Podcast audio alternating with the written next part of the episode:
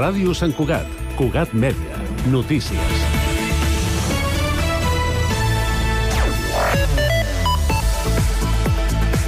La consellera d'Educació, Anna Simó, ha posat en valor la resposta dels centres educatius de Sant Cugat davant l'existència del grup de WhatsApp on es compartia pornografia infantil i s'hi afegien alumnes sense el seu consentiment.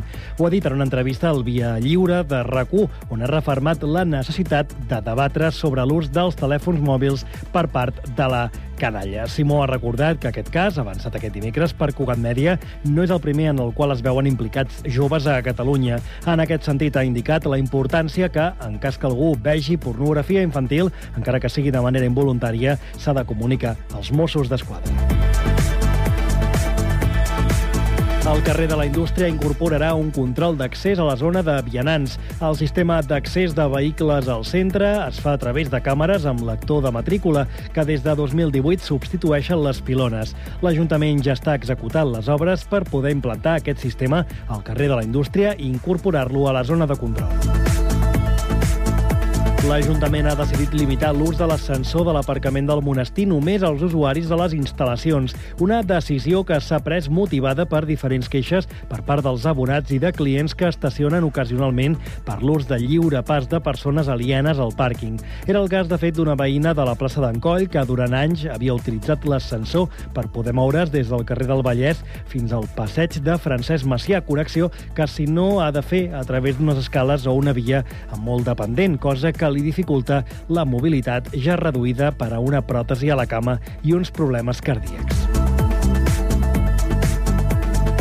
La selecció espanyola sub-21 masculina d'hoquei herba ha guanyat la medalla de bronze que s'ha disputat a Malàisia amb un clar segell santcugatenc. Els jugadors del júnior Pablo Espino, Bruno Fort i els germans Oriol i Aleix Bozal i el tècnic blau i negre i seleccionador estatal Oriol Torres s'han penjat la medalla de bronze després de superar per 3 a 1 la selecció de l'Índia en la final de consolació. El combinat espanyol aconsegueix un èxit sense precedents per a l'hoquei herba estatal. El júnior júnior, amb quatre integrants, és el club que més jugadors ha portat al combinat espanyol. I recordeu que Cugat Mèdia sorteja una panera amb productes del comerç de Sant Cugat. Enguany duplica el nombre de comerços locals que hi participen i arriba als 40 establiments i empreses col·laboradores. A www.cugat.cat trobareu els detalls per participar-hi. Més informació a Cugat.cat i també a les xarxes socials, a Facebook, a Twitter i a Instagram. Cugat Mèdia, la informació de referència a Sant Cugat.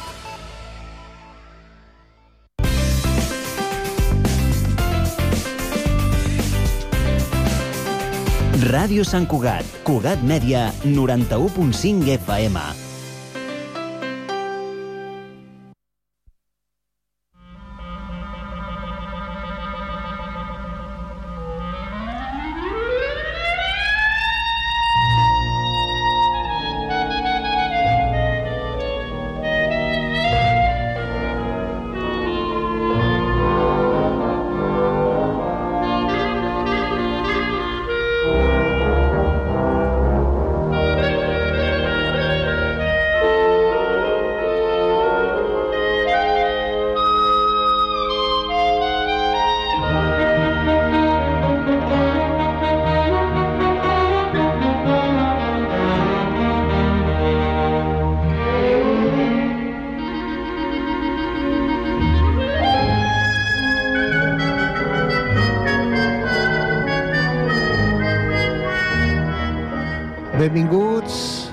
Estimats parroquians i parroquianes, tortugos i tortugues, benvinguts un cop més a la nostra cita setmanal amb la música.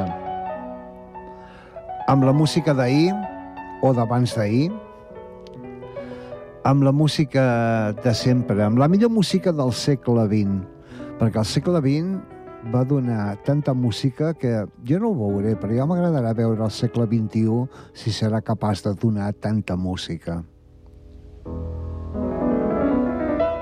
Benvinguts al club, al vostre club, al club Tortuga.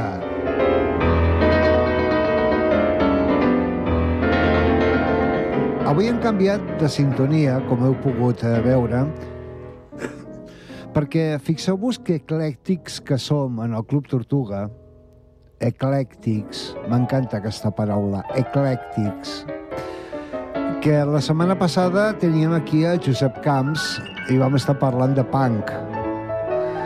I avui, aquesta setmana, tenim l'honor de tenir a Eva Caro, que no és la primera vegada que ve, que l'hem tingut aquí fent un programa de Michael Jackson, l'hem tingut aquí fent un programa de George Michael, vam estar ballant força, i avui la tenim aquí per parlar d'això que esteu escoltant, no concretament del Rhapsody in Blue, sinó del seu autor, d'un dels diríem, un dels grans, eh, eh, um, un de la triada de grans compositors del segle XX dels Estats Units, com és George Gershwin.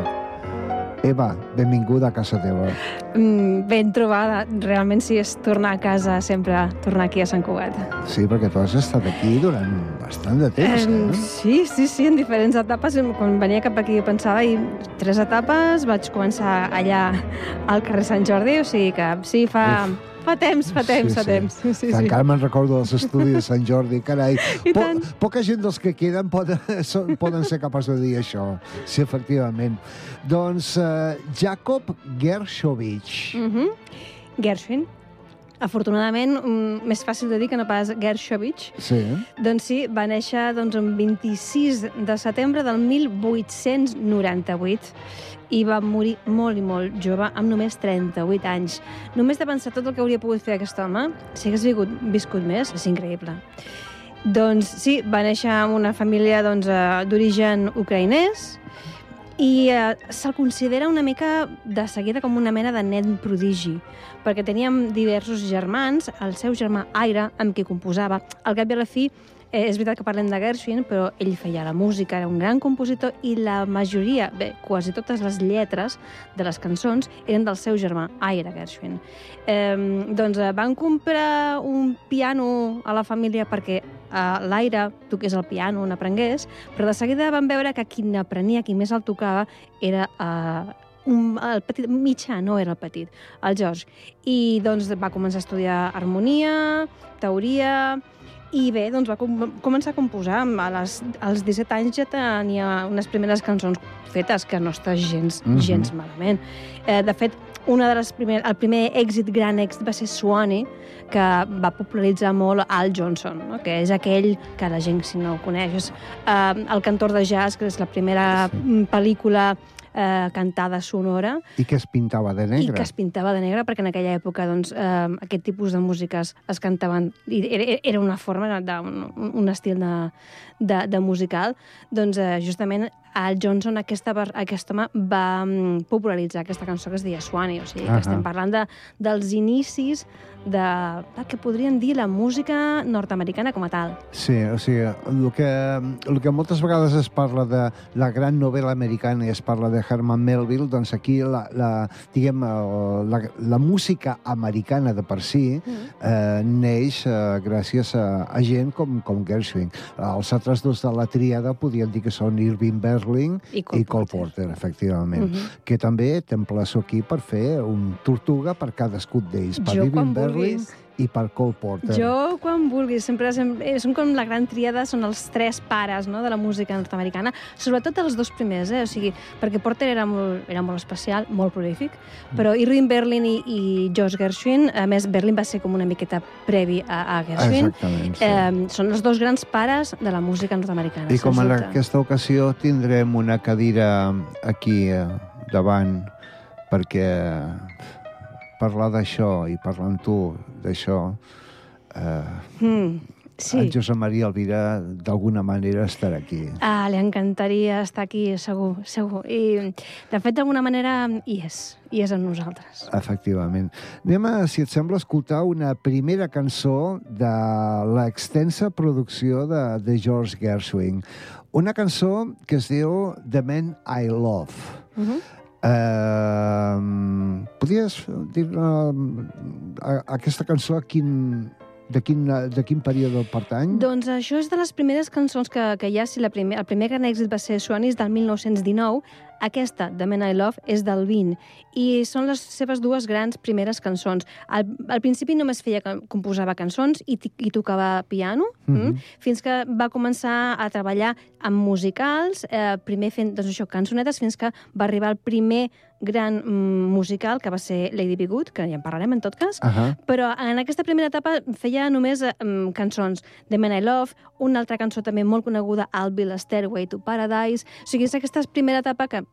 inicis, que podríem dir, però que no està gens malament perquè aquesta cançó és preciosa. Uh -huh. eh, tothom segurament l'ha sentit eh, cantada per la, per la Billie Holiday, uh -huh. però, en fi, és una cançó que la canti qui la canti té un, un tempo, una cosa... Nosaltres aquí al Club Tortuga tenim sempre hem tingut la, la intenció que més que fer, diguem, arqueologia musical, o sigui, portar-vos gravacions en les quals se senten molt defectuosament, aviam, per lo que era l'època, ens tractem de buscar versions mmm, fidels o curioses d'aquesta i gravades eh, molt més recentment, com és el cas de la pianista i cantant invident eh, Diane Shure, la cantant newyorkesa, que el 1992 va fer un àlbum de clàssics, de clàssics, de, i entre ells doncs, estava Cole Porter, Irving Berling, eh, Roger C. Hart, i també estava, evidentment,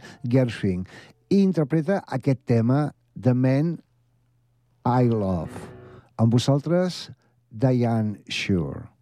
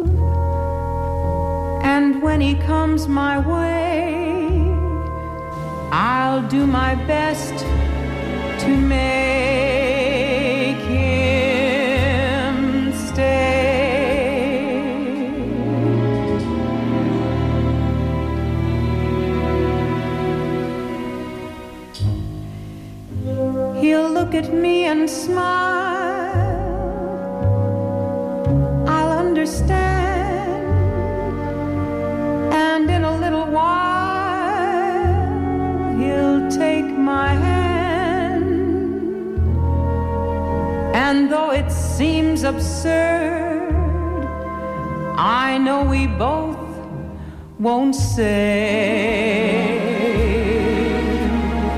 a word.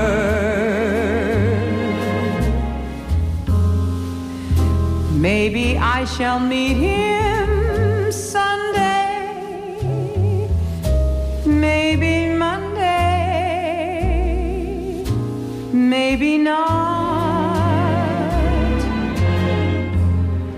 Still, I'm sure to meet him one day. Maybe Tuesday will be my good news day. He'll build a little home just meant for two,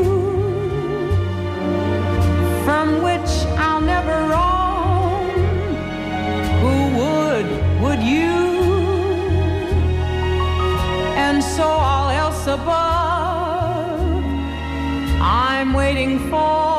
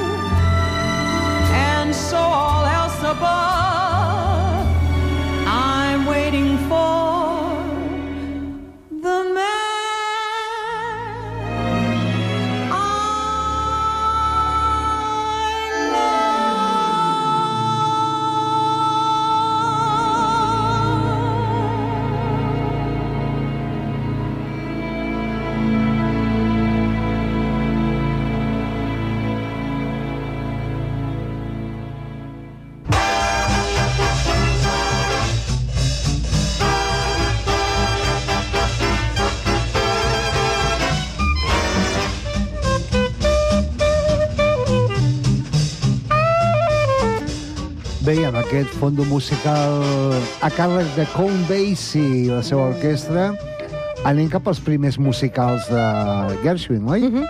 Sí, correcte. El primer musical sencer que va fer va ser el 1919, l'Ala Lucille, però el primer que va tenir èxit i que van fer els dos germans, Gershwin, va ser Lady Be Good, el 1924. Dos germans eh, que eren els pares de la composició i dos germans que eren els intèrprets, Fred i Adele Astaire. La primera col·laboració d'unes quantes, que per Fred Astaire va treballar moltíssim amb, amb, amb els Gershwin. I, per exemple, d'aquest muntatge són dos temes importants, uh, Lady Be Good Mhm. i Fascinating Rhythm, que també és un tema amb un ritme molt picat perquè una de les coses que més car- caracteritza la, la música de Gershwin és aquest gust que tenia pel ragtime, que Sí. realment era el que, el que més escoltava en l'època, però que ell la sabia barrejar, li donava aquest punt eh, amb, amb els seus coneixements i amb el seu gust amb la música sinfònica. Llavors, és aquí on fa aquesta barreja de música negra amb una música sinfònica Sí. i aquí és on justament neix, eh, neix eh, aquest estil de fer tan americà de música, no? Ahà. No, i pre- precisament uh, Gershwin, um, evidentment, eh, tot, tot nano nord-americà, eh, tot nano nord-americà, perquè ell encara Mm. era fill de, Sí, de, sí. Eh, de, de migrants eh, ucraïnesos, jueus que fugien de, dels programs de la Rússia zarista. Clar, eh, troba, es troba eh, que arribes als Estats Units, havia més una precisió que troba tothom que arriba als Estats Units, no? que la música la sents per tot arreu. Mm. Vull dir, mm, eh, i lògicament la música que imperava, sobretot en els barris humils, era la música, la, la race music, la música, diguem, racial, no? Vull dir, el jazz... el que- I, mm, i, eh, i clar, eh, gràcies a Déu, eh, la música ha evolucionat perquè blancs i negres s'han estat copiant mútuament. O sigui, del, del jazz Dixieland de Nova Orleans, els blancs van veure que allò era una passada i que s'ho passaven molt bé els negres ballant, i aleshores van decidir, com els, els, els blancs no tenen la capacitat per poder ballar, eh, de comptar compassos. I així va néixer el Charleston. I els negres, quan van sentir el Charleston, va dir, hòstia, és una meravella i té que ser boníssim perquè fi- si fins i tot els blancs ho ballen, i, a veure, i van crear el ragtime. I el ragtime era la música que imperava quan en Gershwin mm. es va empapar de tota aquesta filosofia. Però va haver un moment en què Gershwin volia saber més.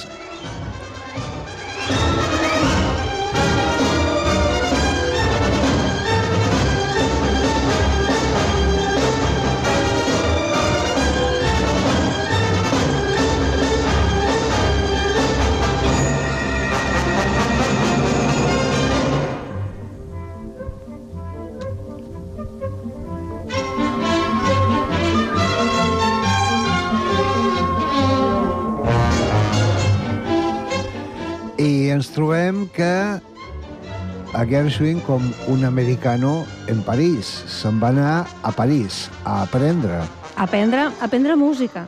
a aprendre música. Aprendre exactament. música, sí, sí, perquè era un... Um, li, li agradava, tenia moltes influències de música mm, francesa, Maurice Ravel, sobretot, i de fet va intentar que li donés classes.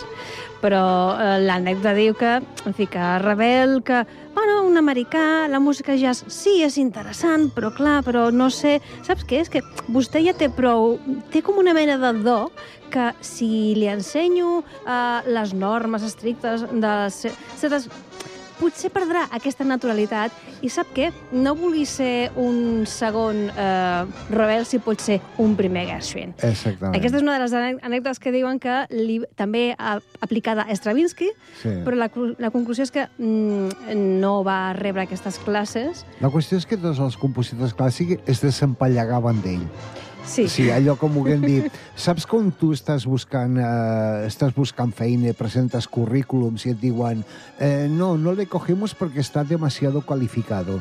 Pues el mateix, vull dir, no, escolti'm, eh, a veure, eh, que, que no sigui cas que s'assegui aquí i ens deixi unes quantes notes de jazz. Riu.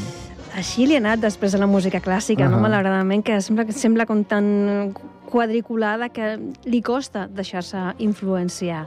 Sí, cert, però sí que és veritat que ell sí que es va empapar de tot el que veia, sentia eh, a París i fruit d'aquí doncs, eh, neix, neix aquesta peça que és Un americà a París del 1928, una suite d'uns 12 minuts i que, en fi, que a més eh, ell eh, volia recurrir... Eh, és una mena de repàs de les sensacions que un americà té doncs, en qualsevol eh, escena i en qualsevol carrer. I fins i tot sentim alguns claxons que ell, no sé com, però els va poder enregistrar, claxons de París, ah i que després apareixen en, en, en la seva obra, no? Sí, sí, sí.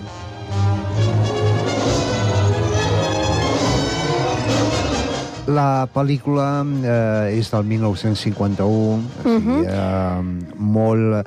Eh, bastants anys després de la seva mort. Eh, reflexa la pel·lícula l'esperit eh, de la composició de, de, de Gershwin? La O es prenen pel·lícula, massa, liber, massa llibertats? la pel·lícula és un gran repàs a tota la música de Gershwin. Si algú no coneix res de Gershwin, només que vegi la pel·lícula, se'n farà una molt bona idea. De fet, està una mica basada en la pròpia vida en la que va tenir Gershwin a París Uh -huh. i fa un molt bon repàs, a més amb orquestacions meravelloses. Només aquest tros que estem escoltant. Eh, a veure, hem de dir que la pel·lícula va batre... Va, va suposar un canvi en el cinema musical, perquè va ser la primera que va fer un ballet de 16 minuts, això abans no s'havia fet. Després es va anar fent, l'any següent, a Cantant sota la pluja, es va repetir, també Mhm. amb Gene Kelly, per cert, però aquesta va ser la primera vegada, i de fet la, se'n van dur sis Oscars, cosa que no està gens malament, eh? Millor guió, direcció artística, banda sonora, fotografia, vestuari i millor pel·lícula. Eh, va ser el segon film en color a guanyar-lo després d'allò que el vent s'endugué el 1951. Realment és una pel·lícula que, a veure, el guió és molt senzillet, Chico conoce chica, s'enamoren, molt senzill, però està amb la direcció de Vincent Minelli, Gene Kelly, Leslie Caron, tota la escenografia, la coreografia és meravellosa i l'orquestració, la direcció musical de Johnny Green i Saul Chaplin és meravellosa, uh, amb Gershwin en su esplendor, que podríem dir. És molt i molt recomanable. Uh -huh. Tomad nota. Un americano en París, 1900, 1951, Sí, la pel·lícula és del 51. eh, dirigida per... dirigida per Vincent Minelli, produïda per Arthur Freed, el veritable produ- productor dels grans musicals de la Ah. Metro, i guió d'Alan J. Lerner i música de George Gershwin, i amb el seu germà Aire, que Gershwin ja havia mort, i el van contractar perquè pogués afegir fragments i cosetes allò que necessitessin. I ara passem a una altra cançó de George Gershwin i, naturalment, amb lletra de Ira Gershwin. I potser per una, de, una veu, per mi, la veu, no crec que... No he escoltat mai una veu femenina tan meravellosa com aquesta, eh, com era ella, Ella, Ella Fitzgerald, eh, que ens interpreta el tema Someone to Watch Over Me. Aquí la teniu.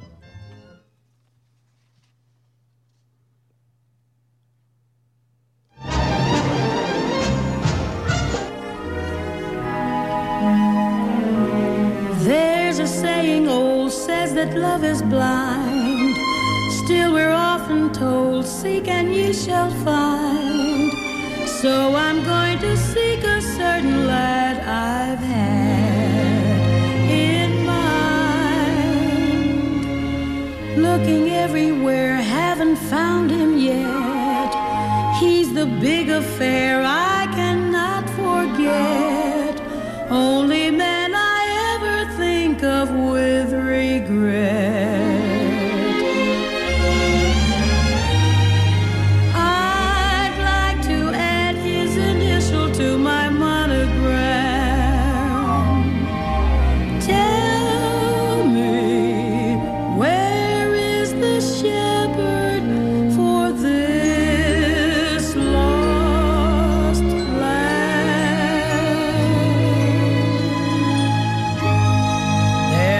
There's a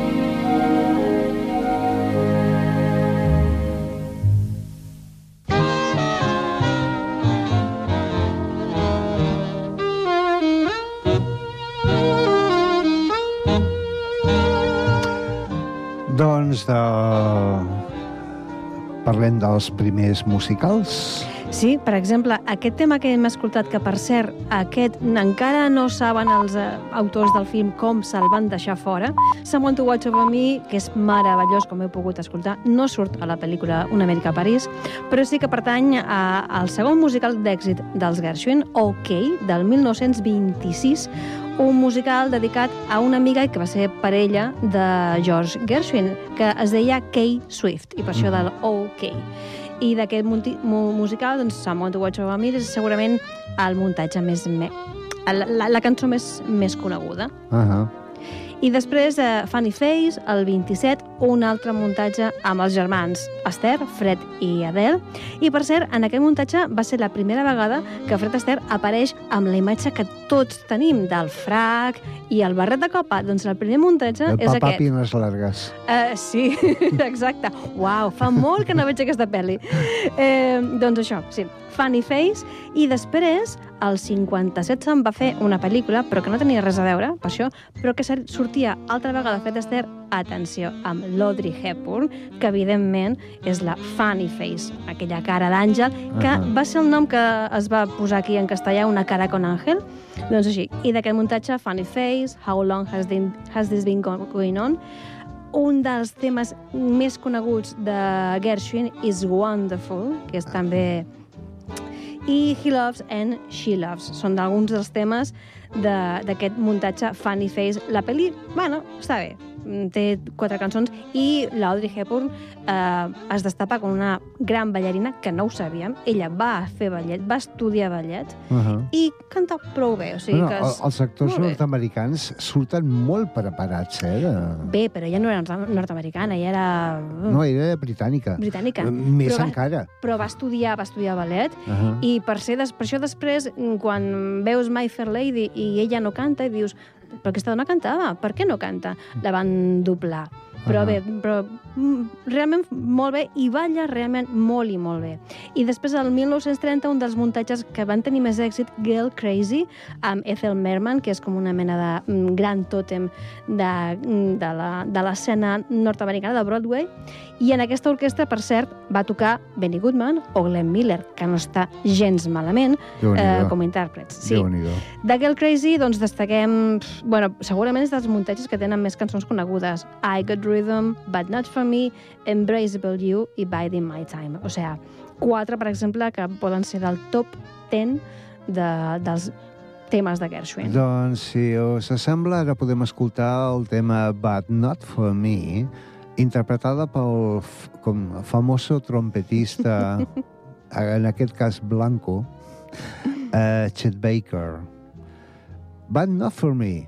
Chet Baker, aquí el teniu.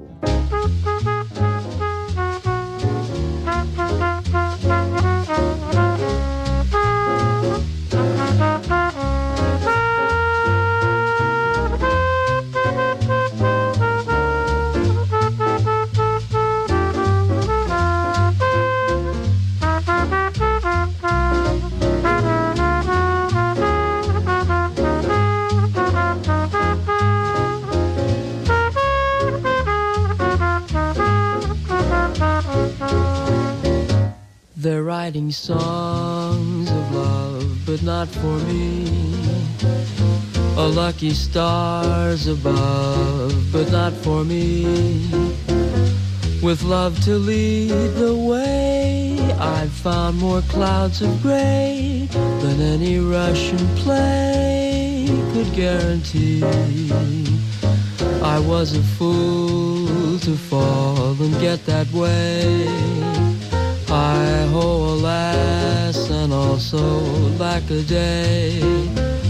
Although I can't dismiss the memory of her kiss, I guess she's not for me.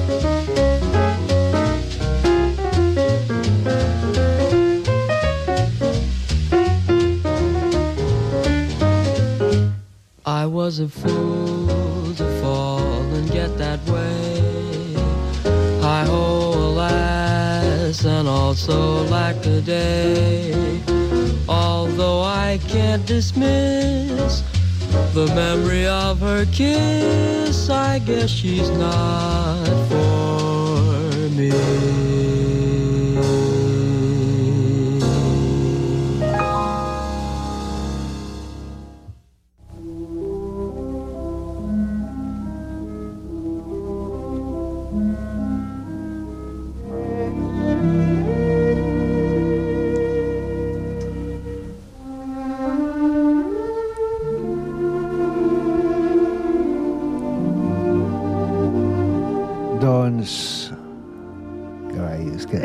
Jo, quan Costa sento... trepitjar quan aquesta música. Sí, sí, sí, sí. No, no, no, de veritat, és... és... Uh, seguim, seguim, va. seguim. Uh, els següents musicals... Doncs Strike Up the Band, el 1930, i sobretot el 32, Of the Icing, és el primer musical a la història que va aconseguir el Premi Pulitzer, eh, amb un llibret de George S. Kaufman i Morrie Riskin, i és una obra totalment satírica sobre els polítics, i era una crítica que crítica a totes les institucions nord-americanes, totes, no se'n salvava ni una, el Congrés, la Cort Suprema, tota. I I estem parlant de l'any 32. 32. I els americans ho premien, que jo penso que és d'aquestes coses que aquí no passaria. Uh -huh. Sí, i és, diuen que és el musical més madur dels Gershwin i que va estar més temps en cartellera mentre George Gershwin va, va estar viu. Doncs eh, ja inclou temes com Who Cares, Love is Sweeping the Country i Of the I Sing. Però malauradament no tenim gravacions de... No, no hi ha gravacions d'aquesta... Només queda la, el tema que es diu igual, Of the I Sing, però no hi ha gravacions d'aquest muntatge, curiosament. Ostres. Sí, jo no he trobat mm, gravacions. Bueno, eh, suposo que tampoc les autoritats eh, estaven massa interessades en conservar-ho tot això. Curiós, curiós. No, no, no deixa de ser curiós. Sí, a, vegades, eh, a vegades ens fem preguntes, però les fem en veu baixa perquè no, possiblement no ens agradin les respostes. Eh, Doncs sí, però és veritat que Gershwin va ser el primer muntatge musical a aconseguir un premi Pulitzer, que es diu Ràpid, i de fet va ser un home que va, va ser com primerenc eh, en moltes coses. Primer Mhm. muntatge i primera òpera. I primera òpera. Ah, eh, Porgy i Bess. Uh -huh. Uh, Fem-nos cinc cèntims d'aquesta òpera. 5 cèntims, lletra d'Aire, eh, i Dubois, uah, Dubois Hayward, suposo, um, amb la música, evidentment, del George Gershwin, i que, en fi, doncs que no deixa de ser la culminació d'un somni de George, que va primer llegir la novel·la del senyor Hayward, que es deia Porgy només, eh, i ell va dir que d'això se n'havia de fer un musical. Llavors l'escriptor estava treballant en l'adaptació a l'obra per al teatre, però teatre de text, que es va estrenar al 33. Va ser després d'això que Gershwin doncs, es va traslladar a la casa de l'escriptor, que era molt a prop de Charleston, i allà, rodejat, i podríem dir fins i tot submergit en la música negra de la, dels Gula Negros, ritmes, músiques, misses, tot aquell entorn eh, mur, purament negre va ser el que va acabar d'inspirar i segurament crear doncs, aquesta barreja d'òpera amb música sinfònica i amb aquesta arrel negra i a més explicant història de, una història de negres. Sí, que només de sí. pensar com li, se li va passar pel cap amb ell, clar, això va crear com molta estupor eh, entre el públic.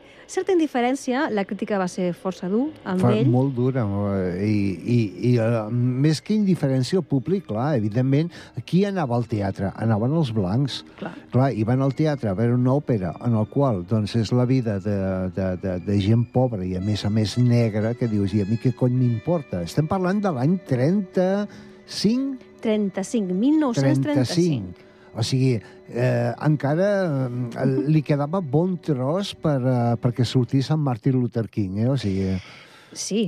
eh, com uns 30 anys. Eh, Gershwin va ser eh, una persona avançada al seu temps. Vull dir, Totalment. Eh, perquè precisament aquesta òpera Porgy Bess eh, ara és un dels puntals de la, del musical nord-americà. Una, o sigui, més que un musical, és una òpera. A- Aquest era el dubte. Els, els, els especialistes, eh, més que criticar o no, si agradava o no, eh, estaven com de, desorientats perquè no sabien on encaixar-lo. Si era una òpera, si era una opereta, si era un musical, senzillament. No sabien bé eh, on posar-lo. Eh, bé, i segurament Gershwin en aquella època eh, no, no, el podia, no encaixava en lloc, perquè estava naixent una nova forma de fer música. Se'l considera que és el pare de la música, no? I, en fi, eh, no ho he dit, però... I aquí diu que mm, si Billy Wilder és Déu, per senyor Fernando Trueba, Sí. Gershwin, per mi, és Déu. O sigui, és el Déu de la música nord-americana, no? A partir d'aquí neix tot. Mm. I, I és cert, i és cert. Llavors, estava encetant una nova forma de fer música que finalment els americans l'han assumit com a pròpia i fins i tot la reivindiquen. I ara existeix el Premi Gershwin i Gershwin és com una mena de tòtem, però els hi va costar molt. Estic com us envejo els monoteistes, perquè jo sóc politeista, perquè no puc decantar-me cap a un déu. Eh, en fi, eh, eh, eh, bueno, sí, per mi eh, no eh, tinc molts déus, però tinc un tòtem, que és la guitarra. I aleshores, eh, amb aquest tòtem, eh, anem a portar-vos una cançó de Porgy i Bess. Naturalment estem parlant de l'ària, Uh -huh. de l'ària, Ària, que molts diuen que és una nana, de fet. és una nana, efectivament, però que en, el seu origen és un blues de 4x4, que és uh, Summertime, i um, a càrrec d'un guitarrista magnífic. Leslie West, no us dirà gaire aquest nom, va muntar a, a finals dels 60 un grup que es deia Mountain, amb Félix Papalardi i Corky Lane, però que va coincidir amb el temps amb el amb de- d'Eric Clapton i, clar, les uh, comparacions són odioses, no? Però Leslie West ha estat un dels grans guitarristes de blues. I aquí teniu, atenció, seieu, eh, tanqueu els ulls i gaudiu d'aquesta preciositat com és Summertime, a càrrec de Leslie West.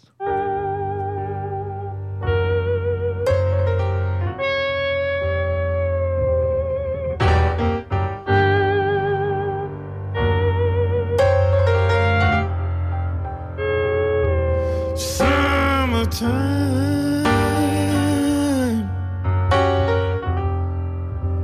and living is easy.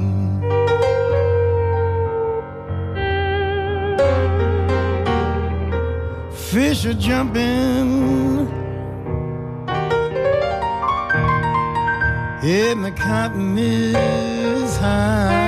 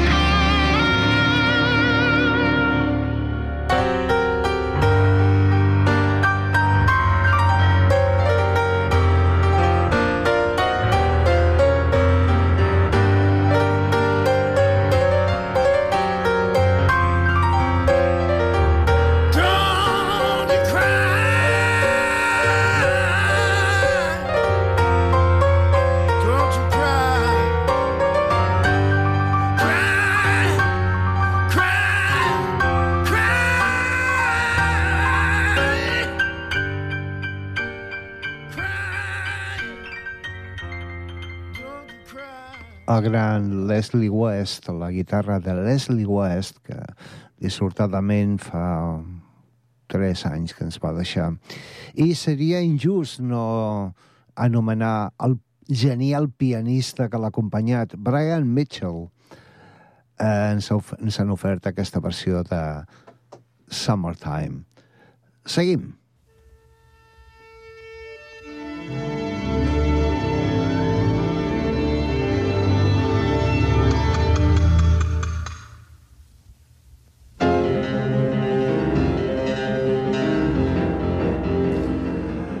Perquè Gershwin, a part de fer musicals, eh, es va atrevir a fer peces eh, de caire clàssic.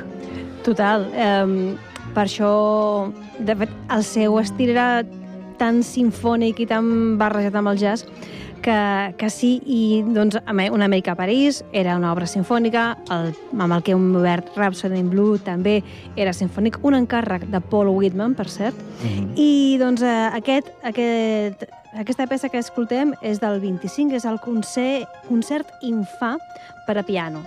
Eh, una peça doncs, que té un molt bon ritme, com es pot escoltar de fons, Uh -huh. eh, que després si penses també aquest ritme tan pam, pam, pam, està una mica París, és a dir, eh, realment composava molt, molt, molt, molt ritme, que suposo que d'aquí també per les influències eh, nord-americanes. I per, per Bess doncs, va ser un fracàs econòmicament, i després d'aquest fracàs van dir els Gershwin anem a Hollywood, i havien anat abans, uh -huh. però no van tenir massa èxit, i al 36 van a Hollywood i llavors sí que triomfan, amb el, un dels muntatges amb una de les pel·lícules més, eh, més conegudes de Fred Astaire i Ginger Roger, Shall We Dance, que aquí es va traduir com a Ritmo Loco, Ahà. Ritme Boig, que seria en Sí. català, no? Una pel·lícula dirigida per Mark Sandrich eh, i que va crear tota una banda sonora perquè la idea és que Fred Astaire interpreta un ballarí clàssic que s'enamora d'una ballarina de revista. Llavors, aquesta barreja de música sinfònica o de ballet i música doncs, eh, nord-americana va entusiasmar a Gershwin, va fer tota una banda sonora meravellosa eh, en diferents estils, vals, quickstep, ballet, de tot. I d'aquesta pel·lícula doncs, tenim uh, They Can Take That Away From Me, que va ser nominada als Oscars, de Let's Call the Whole Thing Off, que els uh, aficionats potser coneixen millor com a You Say Potato. Es, busqueu-la, si us plau. La lletra és boníssima perquè eh, Ira Gershwin fa una mena de homenatge i juga amb l'accent britànic i l'accent nord-americà. Mm -hmm. Shall We Dance, They All Love... La veritat és que hi ha unes quantes peces eh, molt importants en aquest musical, en aquesta pel·lícula que, que està bé, és una d'aquestes pel·lícules que es poden veure i hi ha posats. El Let's Call the Whole Thing Off no la podeu deixar de veure perquè és Fred Astaire i Ginger Roger ballant claquer sobre patins. Només deixo això. Oh, mare. Imagina, busqueu-la per internet perquè hi és. I és brutal. Mare de Déu.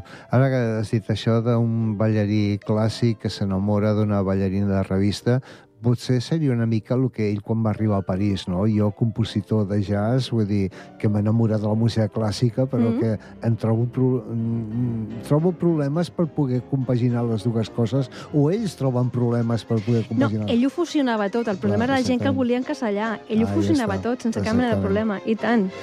Doncs eh, anem a escoltar eh, el tema They Can't Take That Away For Me.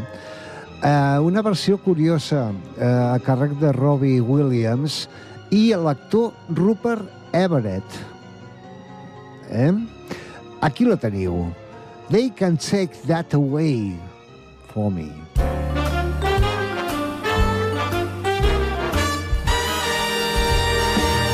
The way you wear your hat, the way you sip your tea, the memory of all that. No, no, they can't take that away from me. The way you smile just beams. The way you sing off key. I ain't flat the band sharp. The way you haunt my dreams. Oh no, they can't take that away from me. We may never, never meet again on this bumpy road to love. Still, I'll always always keep the memory of the way you hold your knife, The way we danced till three. the way you changed my life. Oh no, they can't take that away from me. No, No, they can't take that away from me. Not without a lawyer,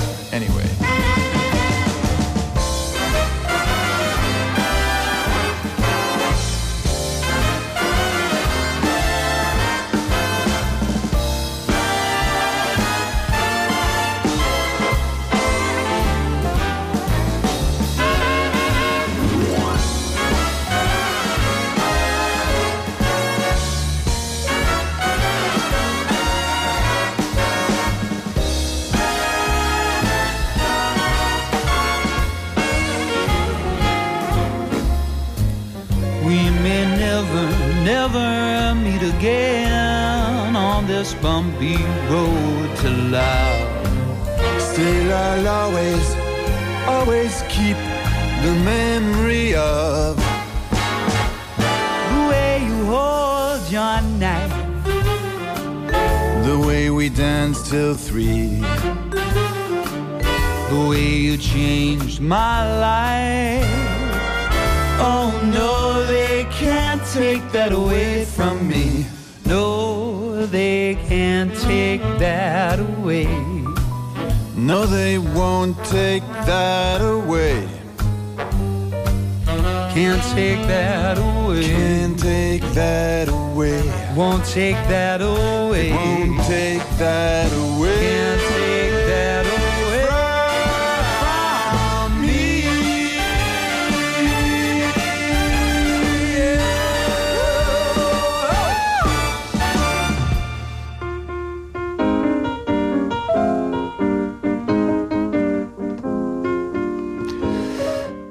Doncs eh, hem arribat al final del nostre programa. Eva, les darreres pinzellades d'aquest genial compositor. Doncs que el que he dit al principi, llàstima que va morir molt jove el 1937 d'un tumor cerebral, que ell tenia mal de cap molt sovint, molt sovint, els metges no li feien massa cas perquè era una mica hipocondríac i quan ho van detectar doncs ja era massa tard i va morir doncs, eh, deixant una obra inacabada. Va fer eh, The Golden Follies, eh, en fi, un muntatge que estava a mitges, però que té dues cançons que han quedat I Was Doing All Right i, sobretot, Our Love is Here to Stay, una peça que, per cert, al muntatge eh, a la pel·lícula doncs, eh, és la balada que balla Gene Kelly i Leslie Caron al costat del Sena i que després Woody Allen va parodiar en el seu mm, Todos dicen I love you, eh, ballant amb la Goldie Hawn. Eh, meravellosa, totes dues versions en clau molt diferent. Però és una peça meravellosa i llàstima que aquest home va morir molt jove perquè, imagina't que hagués viscut doncs, com el seu germà. El seu germà, si no m'equivoco, va arribar quasi als 90 anys. O sigui que, déu nhi Però Gershwin va marxar massa d'hora. Sí, de vegades, eh, a vegades ens preguntem eh, una sèrie de persones que s'han deixat abans de temps, Janis Joplin, Jimi Hendrix, eh, que, que haguessin arribat a fer. Eh, però sempre ens queda allò de dir però la quantitat de música que ens ha deixat Mm. Meravellosa. Diguem, més, val, eh, més val allò de dir, mira, dissortadament s'ha trencat massa d'hora que no veure alguns músics com han acabat amb decadència, no? Cert. Eh, Eva, un plaer tenir-te aquí i repeteixo, repeteixo per la propera temporada Cole Porter i Irving Berlin. Encantadíssima. Sempre que vulguis jo vindré, segur. Perfecte. Gràcies. Doncs us deixem aquí amb aquesta cançó, Our Love is Here to Stay, en versió de, atenció, Eric Clapton. Mil gràcies. Pep Alier, com sempre, un plaer, un immens plaer d'haver compartit un trosset de cap de setmana amb vosaltres i us esperem aquí dissabte vinent. Mil gràcies per la vostra companyia. Adéu-siau.